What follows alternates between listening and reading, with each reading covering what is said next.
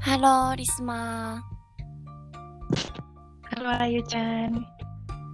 Hari ini podcastnya tentang apa? ー。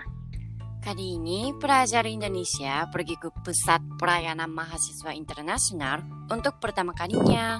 Ia mencari tahu tentang dukungan yang dapat diterima mahasiswa internasional.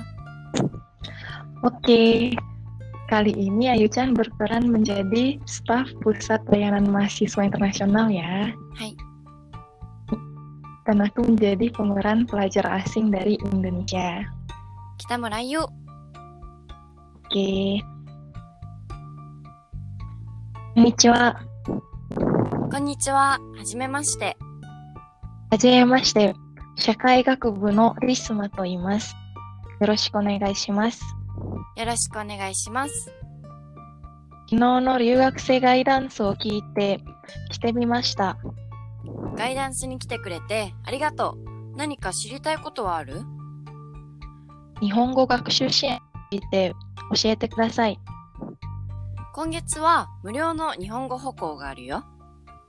それはぜひ参加したいです。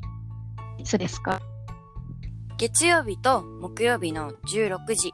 最初の講座は来週の月曜日だよ。ありがとうございます。絶対行きます。今後、他のイベントも用意するので、時々センターに来て確認してね。わかりました。楽しみです。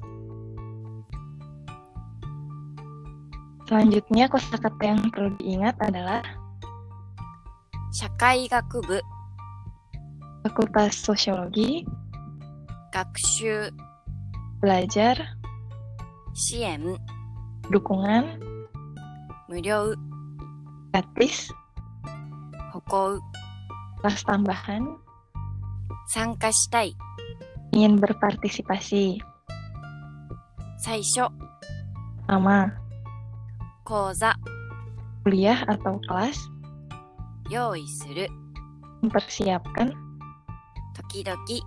kadang-kadang atau sewaktu-waktu. Bagaimana teman-teman? Apakah mudah untuk dipahami? Kebanyakan universitas yang fokus pada penerimaan mahasiswa internasional telah mendirikan pusat pelayanan untuk mahasiswa internasional ya. Iya, Risma. Umumnya, berbagai uni- universitas tersebut akan mendukung mahasiswa asing untuk memperbarui status visa izin tinggal, memberikan informasi beasiswa, dan memberikan konsultasi tentang kehidupan serta masalah kesehatan. Banyak ya pelayanannya. Hmm. Sepertinya ada juga universitas yang mengadakan banyak acara pertukaran internasional. Ya nggak, Ayu Chan? Benar ya, Eh, supaya mahasiswa asing dan mahasiswa Jepang bisa saling berkomunikasi ya. Ini ada kegiatan apa aja? Hmm, tergantung universitasnya sih. Misalnya ada kegiatan pengenalan budaya seperti sado, upacara minum teh, termasuk menggunakan yukata, baju tradisional Jepang, eh, ikebana, seni merangkai bunga, dan lain-lain. Hmm, menarik ya. Hmm. Kegiatan tersebut tentu melibatkan partisipasi mahasiswa Jepang dan mahasiswa asing kan ya. Hmm. Kalau kegiatan field trip gitu ada juga nggak? Menurutku ada aja sih. Misalnya kunjungan ke tempat wisata atau museum ya. Eh, Kegiatan pertukaran seperti itu ada yang diadakan oleh kampus dan sepertinya ada juga yang diadakan oleh mahasiswa Jepang ya. Hmm, si asik ya. Iya Don. Ayo ke Jepang ya teman-teman. Hmm, pasti banyak ya yang tertarik untuk kuliah di Jepang. Baiknya gimana nih Ayu Chan? Hmm, mungkin pertama sebaiknya mencari informasi mengenai kuliah di Jepang ya.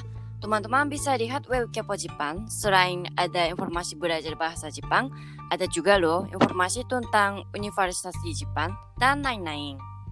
Hmm, pertama cari informasi sebanyak-banyaknya ya. Tentunya juga sambil belajar bahasa Jepang kan. Benar banget ya. Eh, walau universitas di Jepang banyak yang menawarkan program kuliah dalam bahasa Inggris, Ada baiknya jika kalian bisa bahasa Jepang juga karena uh, penting untuk kehidupan sehari-hari di Jepang nantinya ya. Ya juga ya. Seperti Ayu-chan nih, sebelum ke Indonesia dia udah pinter banget loh bahasa Indonesia.